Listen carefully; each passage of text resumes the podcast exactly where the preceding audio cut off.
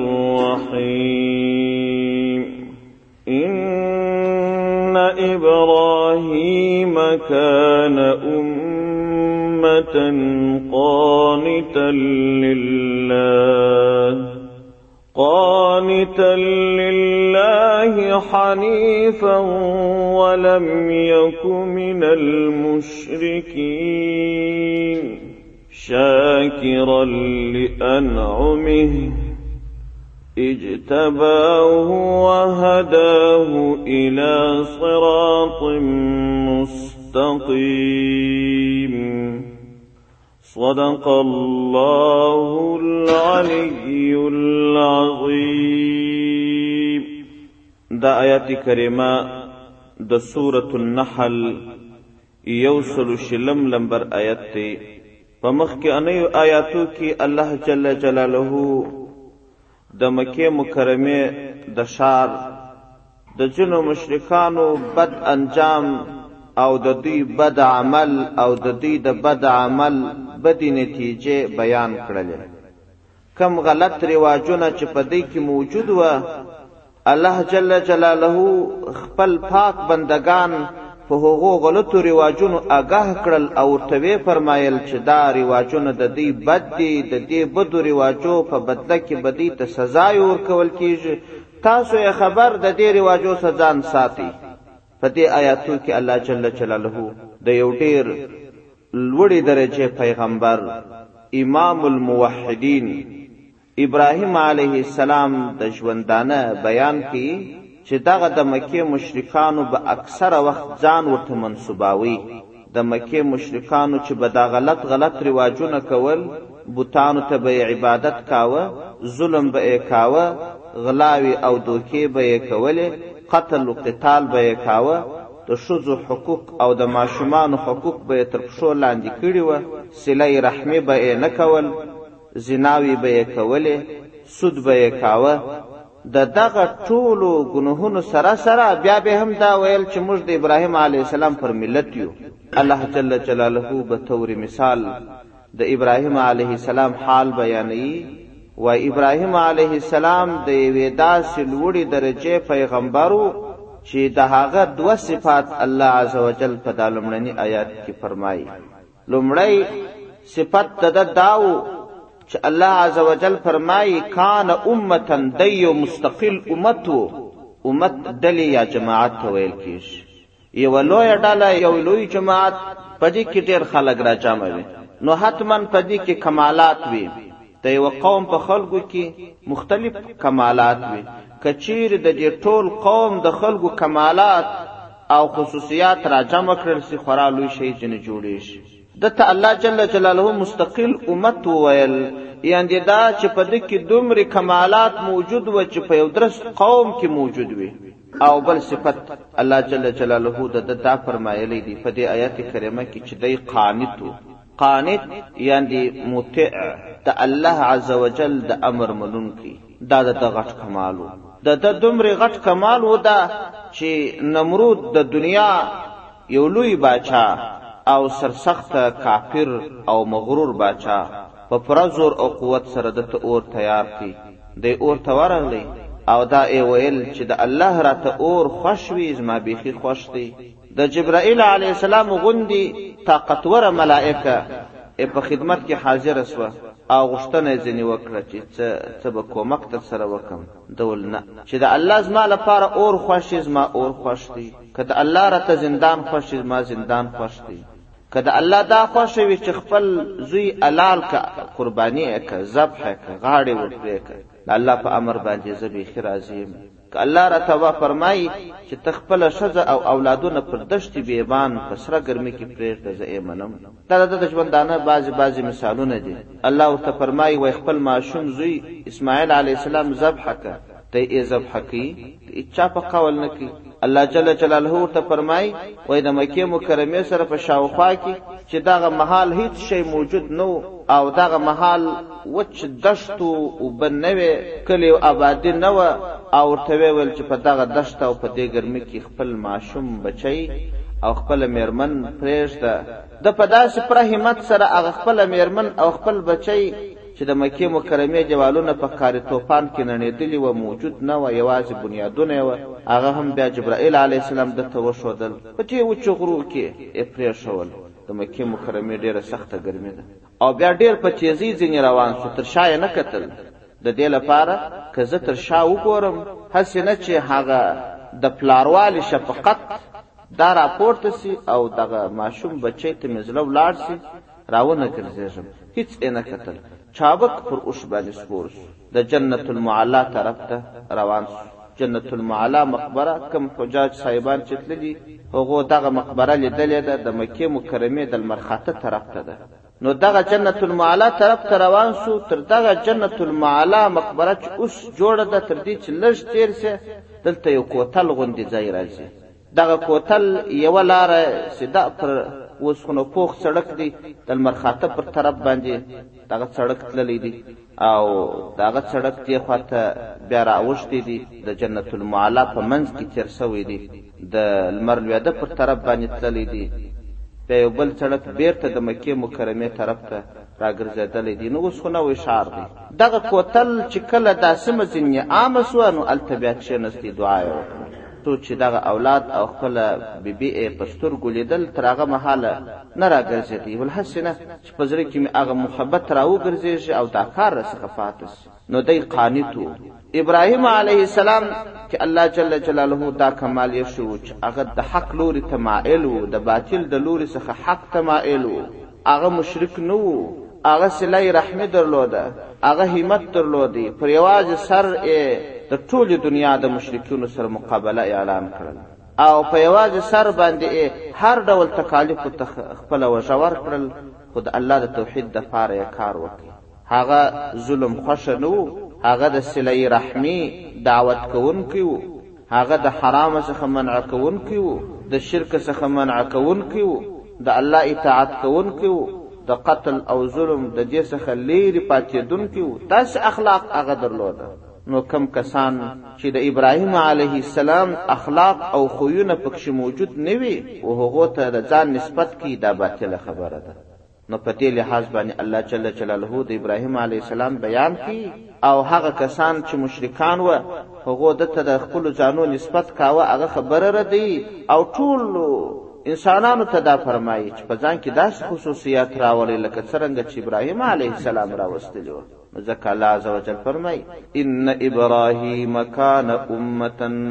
قانتا لله ان بشک ابراهیم ابراهیم علیه السلام چو کانو امتن امت مستقل امت درس امت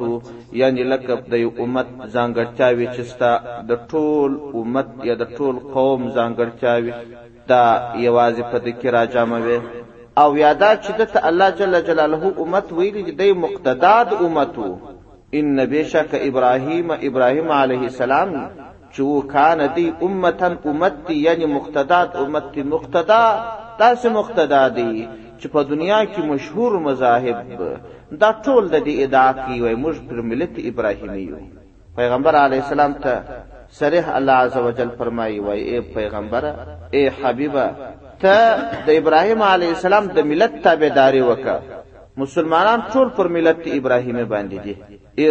پیغمبر صلی الله علیه وسلم د ملت ابراهیمی هغه حقیقی حال خپل امت ته بیان کړی دی او الله جل جلاله دا دین پر ملت ابراهیمی باندې پاغه حقیقی ډول باندې برابر کړی نه دا چې مشرکانو په غلطه دعوا کول چې موږ پر ملت ابراهیمی یو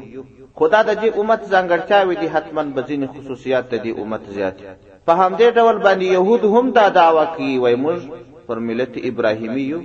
عیسویان هم دا داوا کوي وای موږ پر ملت ابراهیمی یو او مشرکان هم دا داوا کوي وای موږ پر ملت ابراهیمی یو د مسلمانانو خو حقیقت حال همداسې دی لکه څرنګه چې دی داوا کوي نو په دې وجه باندې دی مقتدا هم دی ان ابراهیم کان امتا یقینا ابراهیم علیه السلام امت تو یعنی دا چې مقتدا داسې مقتدا د چې تر قیامت پورې به خلک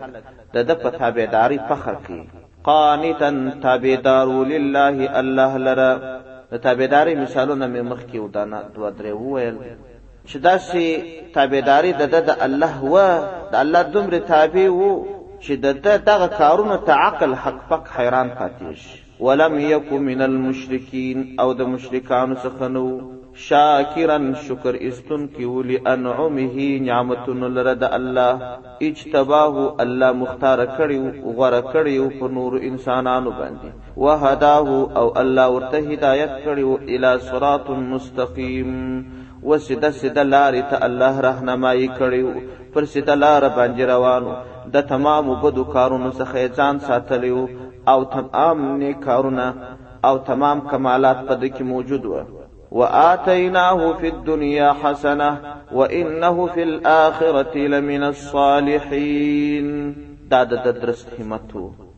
او دا د ده هغه حلم، صبر، زغم، د تکالیفو برداشت وو چې الله جل جلاله په دنیا کې هم نیکي ورته ورکړه او په آخرت کې هم د صالحانو څخه وګرځاوه. په دنیا کې یې نیکي څنګه ده؟ د ابراهیم علیه السلام زرګونه کلونه تیر سوي دي زرګونه تمام بني اسرائیل دا وایي وای موږ د یعقوب علیه السلام اولاده یو او دي یعقوب علیه السلام د ابراهیم علیه السلام لمسی دی د ابراهيم عليه السلام زوی اسحاق عليه السلام دی د اسحاق عليه السلام زوی يعقوب عليه السلام دی تمام بني اسرائيل د يعقوب عليه السلام اولاد ده تمام عرب د ابراهيم عليه السلام المسيان دي زکه د ابراهيم عليه السلام زوی اسماعيل عليه السلام دي او ټول عرب د اسماعيل عليه السلام اولادونه دي الله جل جلاله په بني اسرائیلو کې څلور زره انبیا علیهم السلام لېږلي دي څلور زره انبیا د یو چا په نسل کې چې څلور زره انبیا علیهم السلام راسي او دا ټول د اولادونه یې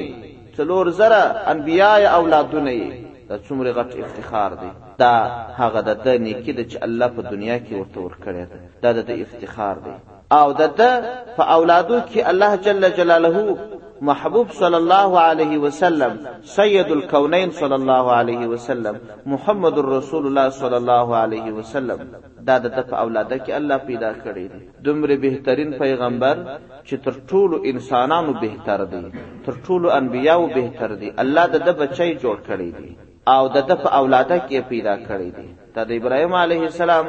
هغه همت چې الله په بده کې تمر لوی نه کې په دنیا کې او تمر لوی افتخار په دنیا کې ولا ور کړی دا د ابراهيم عليه السلام هغه همت چې د نیکی ور کړی ده او همدا ډول د ابراهيم عليه السلام په نږدې اولادو کې الله جل جلاله حضرت یوسف علیه السلام پیدا کړی دی دا المسی دی د لمسی زوی یې دی یوسف علیه السلام ته الله جل جلاله د ټولې دنیا شایست ورکړی او ښه اخلاق یې ورکړي د ابراهیم علی السلام په اولاده کې الله جل جلاله داسې خصوصیات پیدا کړی و چې د خوبونو تعبیر یې کاوه څنګه تعبیر چې به یو کې هم هغه څه تعبیر بخاتی لکه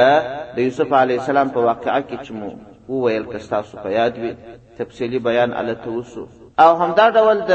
ابراهیم علی السلام په لمسانو کې الله داسې کمال پیدا کړیو چې کله به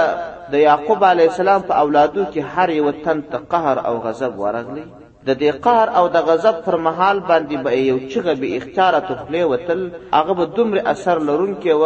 چې په دې ټول شار کې به حملدار شذې وي هغه به خپل بچي وغورځول دا یو خاص تاثیر الله د ابراهیم علیه السلام په اولادو کې ایښی و همتا وجه وه چې یوسف علیه السلام خپل ورور بنیامین د نورو وروڼو څخه راوګرځاوی هغه نورو وروڼو نه پیژندی چې دا یوسف علیه السلام دی یو ترتیب یې ورته جوړ کړي او بیا یې زارۍ ورته شروع کړې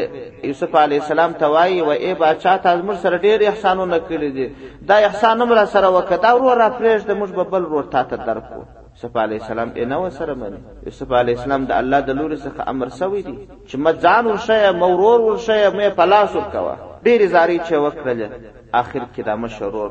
هغه ته قهر ورغله غصه ورغله او یوسف علیه السلام ته وویل چې زما ورور نه را سره کوي په زور یې د څخه بیایم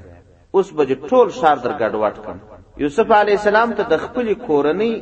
هغه اثرات معلومېدل چې یو قتل چې د هغه مشرور ای قهر او غضب دومره ډیر سوی دی چې تر دې جامو ای ویشتان راوتلی و پر وجود چې د کم ویشتان واغه د ډیر قهر چک چک درېتلی یوسف علیه السلام ته معلومات وو چې اوس که د ده تر خولې ناببره هغه چغه ووځي ټول ښار به پر بل حال باندې سي انو بیا د یوسف علیه السلام یو کوچنی بچی و هغه ته یې وویل چې ورسه د هغه کاکا پر ملا لاس کښېږده دې ته چې به کله قهر او غضب نه ورغلی دا چغه د دوی په اختیار نه وه او چې قهر او غضب به ورغلی بیا چا کنټرولولای نه سوای اما د داغه د دوی د کورنۍ څخه که به یو څوک ورلی پر ملا به یې لاس ورکښېښوي هغه قهر به یې سړېدی دا یو خصوصیت و چې الله د ابراهیم علیه السلام لمسیانو ته ورکړی و نو د هغه مشر ورور قهر یې بېرته سوړ سو دی د په دې باندې حیران سو چې دا خو زموږ د کورنۍ خصوصیت دی دا دلته څنګه پیدا سو یو روایت کې راځي چې دی ډېر غټ غټ خلک وه طاقتمن شایسته شایسته یواز یوسف علی السلام شایسته نو د نورونو هم شایسته شایسته و د یو پلار زامن و د دې په مقابله کې څوک نسوي درېدل یو بل روایت کې راځي وای کله چې د قهر او د غضب حالت ته ورسېدي نو چا خو مقابله نسوي کولای یوسف علی السلام خپل د شای تخت څخه راکښته سو تر ګریوان ای ونی وی راغزار ای هغه کوم ته دی ورور د غمر طاقت او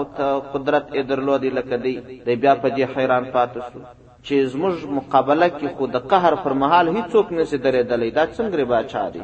باچا خپل را شوه سو او دی یې تر ګریوان ونیو یې راغزار یې کړي ول تاسو قنعانان قنعانیان خو دا عقیده لري چې زموږ جواب هیڅوک نه لري خو زه به تا راغزار کړم غوښتل یې چې دا د قهر او غضب ورسوړ کړي او دی په دې پوه کړي چې زه په زور هم د خپل ورور نه سم بیوالی که بل باچا وای بیا یې بیولی سوای خو هغه باچا د دوی خپل ورور دی دی نه پیژني هغه هم دغومره طاقت لري دغومره اثر لري د ابراهیم علی السلام د لمسیانو څخه دی دا د ابراهیم علی السلام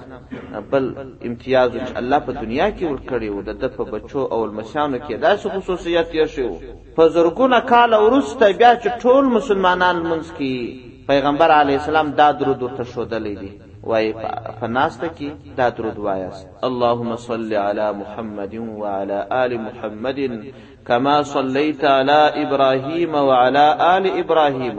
دا تر ټولو ښه درود دی ځکه په لمانځه کې پیغمبر علی اسلام انتخاب کړی دی ته پر پیغمبر علی اسلام څنګه درود وای یا الله دا سره رحم پر حبیب صلی الله علیه وسلم وکړه لکه تا چې پر ابراهیم علی السلام کړو داسې برکتونه حبیب صلی الله علیه وسلم ته ورکړه لکه چې ابراهیم علیه السلام ته دی ورکړي و نو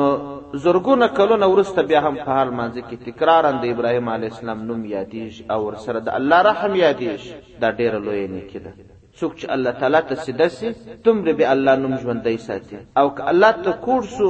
الله به په بدو نوم ژوندی وساتي لکه نمرود، فرعون، حمان، شداد، ابو جهل، په هر صورت الله جل جلاله یادونه کی واتیناه فی الدنیا حسنه او موږ ورکړی و ابراهیم علی السلام ته په دنیا کې نیکی و ان نبی شک هو دا ابراهیم علی السلام فی الاخرته په آخرت کې لمن الصالحین خاما خاد صالحان څخه دی ته په دنیا کې دا دعا کړې و الحقنی بالصالحین یو ځای کې راځي یا الله ما د صالحانو څخه وګرځه الله وی په آخرت کې مې هم د صالحانو ګرځولې دي په آخرت کې به هم د هغه پیغمبرانو څخه وي چې الله عزوجل لوړې مرتبه ورکړي ثم اوحينا اليك ان اتبع مله ابراهيم حنيفا وما كان من المشركين الله صراحت کې وایي و اے حبیبه ته هم تابعداري د ابراهیم علی السلام وکړه ثم ورست اوحینا موږ وحی وکړه الیک و تاته اے حبیبا اے پیغمبر صلی الله علیه وسلم الیک و تاته ان د دې اتبع چې تابعداري وکه ملت ابراهیم د ملت د ابراهیم علیه السلام په داسې حال کې حنیفا چې تمایل د باطل څخه وحق ده اتبع ملت ابراهیم اتبع تابعداري وکړه پیروي وکړه د ملت ابراهیمي چې د باطل څخه د حق لوري تمایل یې باطل دې تر شا کړي او وما کان من المشرکین او د ابراهیم علیه السلام د مشرکانو څخه نو ابراهیم علی السلام حنیف وو حنیف څه معنی چې یو څوک د باطل څخه د حق ولور ته میل کوي حق خوشوي باطل تر شاکی دې ته حنیف وای اتبع ملت ابراهیم حنیفا تابعداري د ملت ابراهیمی وکداس ابراهیم علی السلام چې هغه حنیف و ما کان من المشرکین د مشرکانو څخه نو ته هم داغه تابعداري وکداغه پر قدم باندې قدم کښې ته هم هغه اخلاق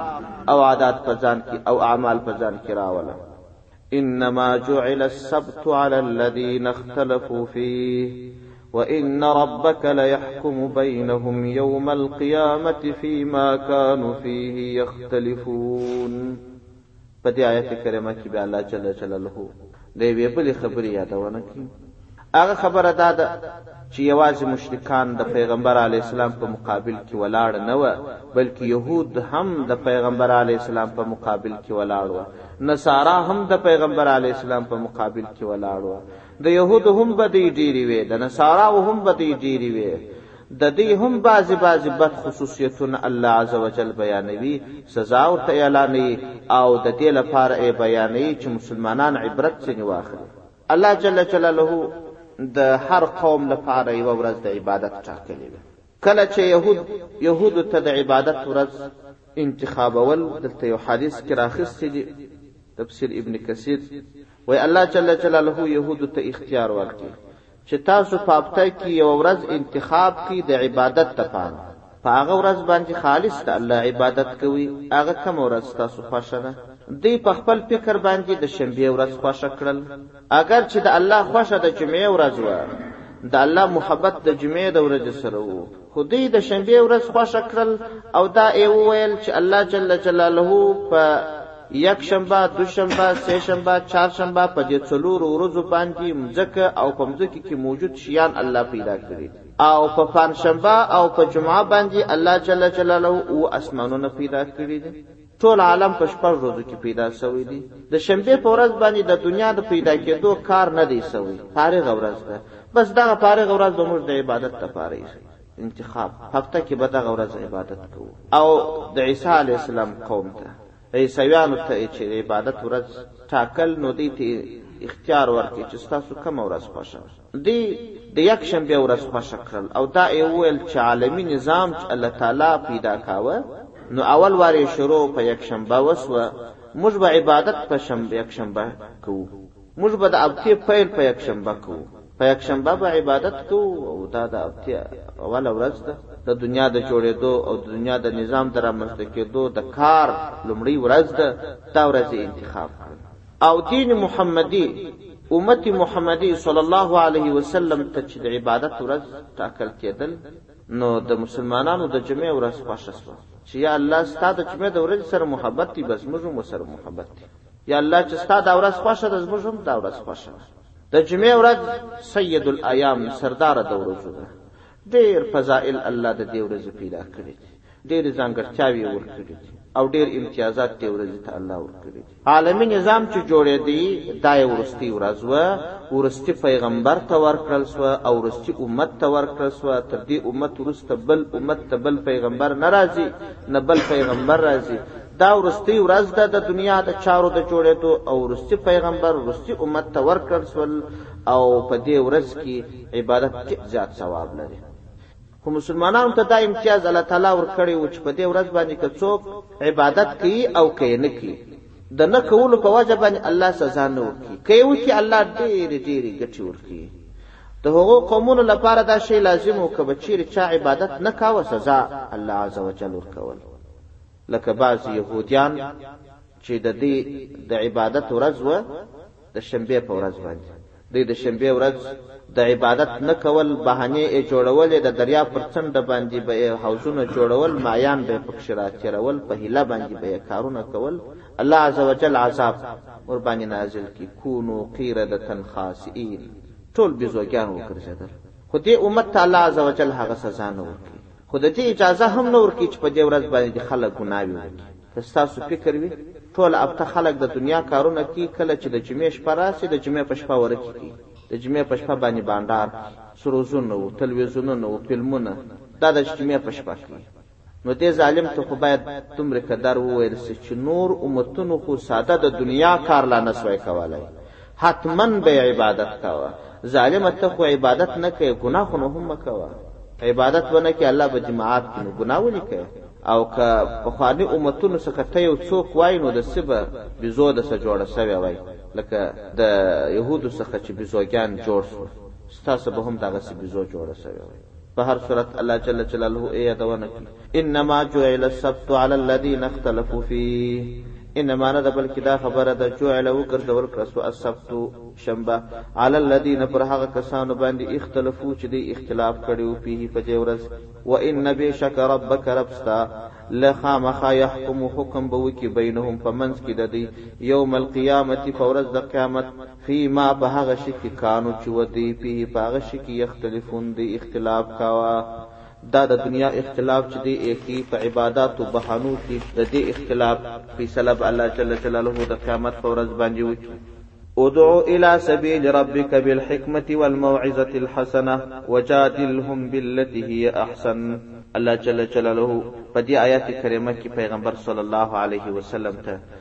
د وعظ او د دعوت او و خلکو ته د بلنې چې د اسلام لوري ته او د ښو اعمال لوري ته راسي د دې طریقه ورشي دا طریقه پیغمبر علی السلام ته شودلې ده دا د ټول امت لپاره دا خبره لازمی ده چې هر څوک و چاته دعوت ورکي هر څوک و چاته د دې دعوت ورکي چې نیکی لارې تراسي نو دغه طریقه باید په کار واچي هغه طریقه دا ده چې اول واري به ته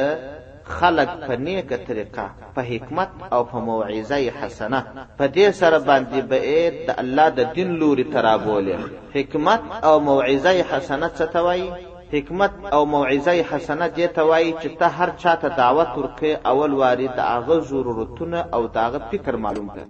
چابک چابک روان دی ته ورته ودرېږه چې ودرېږه زه تا ته دعوت کوم هغه وايي مه مې پازابوه پر داسې وخت باندې خلکو ته دعوت مه ورکوه او د ده فکر معلوم که چې د کومو شیانو څخه د ده نفرت کېږي نو د هغه شیان هغه شیان په نظر کې ونیسه او د کومو شیانو سره چې د ده محبت دی هغه شیان هم په نظر کې ونیسه د ده د طبیعت او رای مطابق ده ته دعوت وچلوه د مثال په ډول که چیرې د خلکو په مخ کې ته ده ته دعوت وکې د دې په دې باندې دی خوا بدی کیږي دلته دعوت مو ورته کوه ورسه یوازې یې پیدا که او دعوت ورته وچلوه او دغه کس چې ته دعوت ورته چلې دا به شرمې نه چې ته د خلکو مخ کې ورته وایې چې په تا کې دا عیب دی دا عیب دی دا اصلاح دا به نه کې دا غ توهین به نه کې او هغه ته په سپک الفاظ نه وای په ډیر شایسته الفاظ باندې بوای داس الفاظ به ورته وای چې دای په خوشاله سي ته موعظه حسنه حکمت وای او کچیر ته په کوچ ردو الفاظو الفاظو باندې یا په داس الفاظو باندې چې دای په ناراضه کیږي د نور پر ګناه باندې ټینګیږي او همدا ډول که هغه د قهر او د غصې په حالت کي دا خبري مه ورته کوه، د دنيا د کار په وخت کي او دی په خپله دوکانداري باندي اخته وي، د ده فکر خراب وي، داسي وختو کي دی نور پر دا خپل جهالت باندي ټينګېږي، خپل عزت و حيثيت هم وسنجوه، چي زه د کومي درجې سړی يم او دی د کومي درجې سړی دی، زما لپاره لازمه ده چي زه درته ووايم او که لازمه نه ده د یو بل چا په واسطه باندې تنبیه ورکړه یو کشر سړی دی په یو چا کې عیب دی دغه کشر چې په هر څومره ښایسته الفاظو باندې دا مشر ته ووایي نو هغه چې د ده سن و سال ته وګوري دا شی زغملی نه سي نو دا کشر دې داسې وکړي د یو عالم په واسطه دې ده ته تنبیه ورکړي هغه د عالم سره دې مشوره وکړي چې دغه سړی دی ورته پام یې نه دی که زه ورته وم خوا به بده سي ته ورته وایه نو هغه عالم به بیا هغه خبره ورته وکړي دې ته حکمت وایي الله جل جلاله پیغمبر علی اسلام ته فرمایي و چاته چې دعوت کې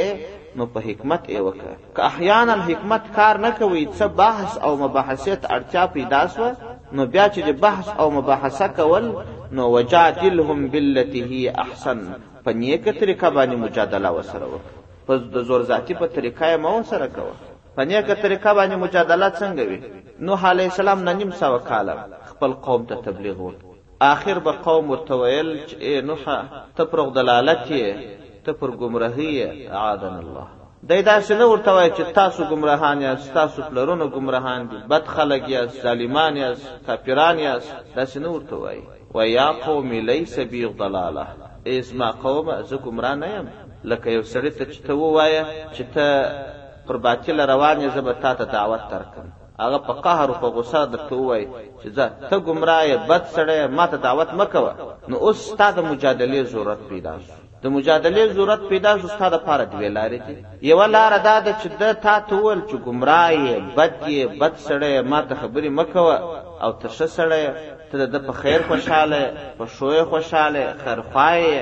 نو په شیطان په تا کې مس مس شه زه دې نیکې لارې ته لا هم رابولم ته ما ته بد سړی وای ته خپله بد سړی پلار دې لا بد سړی دی دا د شیطان خبرې دي د شیطان حرکت دی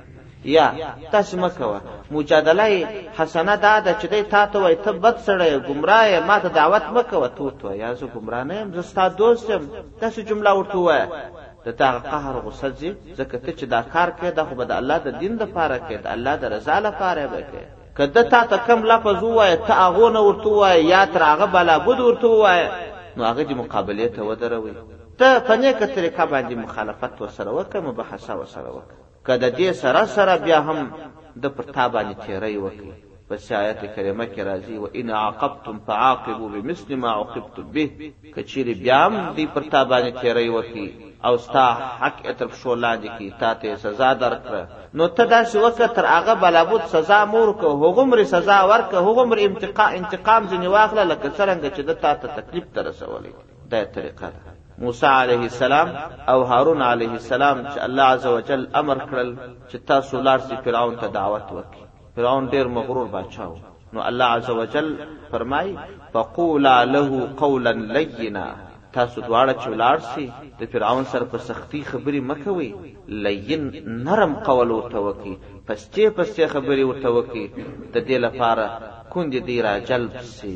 د الله د دین و لوري ته، د حق و لوري ته. او همدا ډول که چېرې یو عالم بیان کړي د چا نوم به نه یادوي چې پلانکی کسه ته دا کار کوې. پیغمبر علیه السلام ته چې الله عز وجل د دعوت طریقه ښودلې وه نو یو سړی به یې ولیدی چې هغه به د شریعت څخه مخالف کار وکړي هغه به یا خبر نو یا به پوه نو نو پیغمبر علی اسلام داسې نه فرمایل چې پلانکی سړی ولې داسې کی فما بال اقوام په هغه خلکو څه سوي دي چي داسي کار کوي، هغه سړي چي به دا کار کړی وو خپله به په زړه کي پوه سو چي دا کار خو زه کوم، بیا به آینده نه کاوه دا کار. نوم به د چا نه یادوي په عام مجلس کي، نه به مخامخ یادوي چي د ده توهین کیږي، نه په شلا به یادوي چي هغه بیا د ده غیبت جوړیږي. دا د دعوت طریقه ده، ځکه الله عزوجل فرمایي. ادعو، دعوت وکه ای حبیبه، الی سبیل ربک و لاری ته د رب ستا، تا د رب لاری ته خلګ راوبوله، و دین ته خلګ راوبوله، بالحکمة په حکمت سره، والموعظة الحسنة په موعظه نیکه سره، موعظه خیر خواهی، نیکه لار. په موعظه حسنه سره خلق راوبوله وجادلهم بالتي هي احسن وجادل او جګړه وک مجادله وک هم د دې سره بالتي په هغه طریقه سره چې هي دا طریقه احسن نیک طریقه وي زور زیاتې مو سره کوم د جهال غوندي مخالفت مو سره کوم د حکمت جګړه وسره وک ان بشک ربک رب ستا چې دی هو دا رب ستا اعلم زیات عالم دی بمن په هغه چا باندې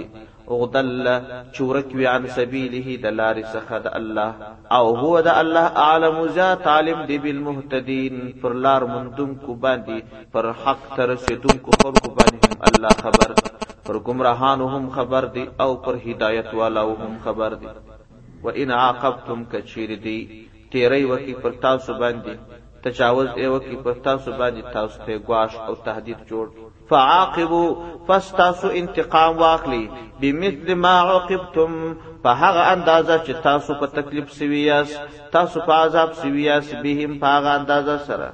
ولا ان صبرتم کچیر تاسو سو صبر وکي داغه هم مور معاف کی دالش تکلیف چې در رسولې دي د دې بدله هم وانخلي صبر وکي لهو لخامخ هو دغه صبر چې دی خیرون بهتر دی للصابرین صبر کوونکو کسانو لره د حد په غزا کې د پیغمبر علی اسلام خوږ او ګران اکا او ستر مجاهد حضرت حمزه رضی الله عنه شهید ظالم کافرانو د قتل د د تر شهادت ورسته بیا د د بدن غړي پرې کړی و غوږونه ئې ځني پرې کړي وه، پزه ئې ځني پرې کړې وه، ډېر ئې بې عزته کړي وو، توهين ئې کړي وو، پيغمبر عليه السلام چې رالی چې خپل آقا ئې پر دې حال باندي وليدی بيخي ئې ونه زغمی،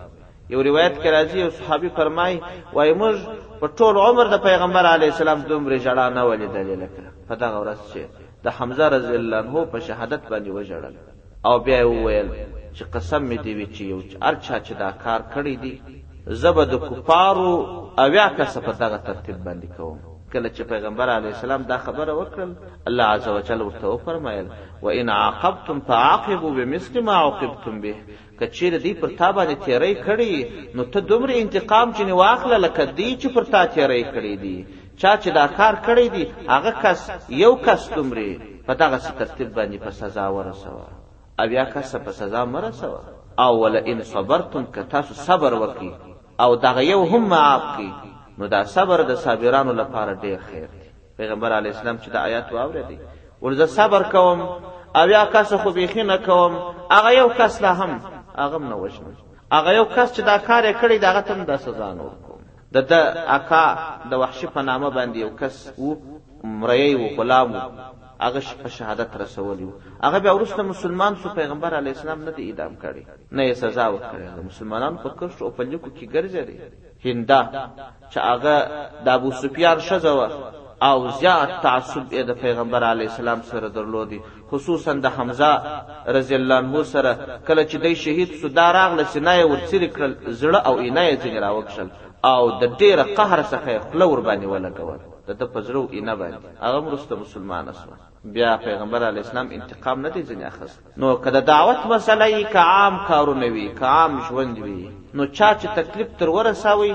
دومره تکلیف ورسوه لکه تا ته چې د رسولی دی که یوه چپلاخه ووهلې د یوې چپلاخې بدله ځینې واخله که د یوې چپلاخې ووهلې د دوو چپلاخو بدله ځینې واخله تاسې مه کوه چې یوه چپلاخه دې وهلی یم چې یوه په لسو در بدله نه کم پرېږدم دې نه دا د جهالت خبرې دي دا په کار نه دي او که چیرې ته صبر وکړې د دې معافي هم ورته وکړې دا خو بیا بیخي لو خبره ده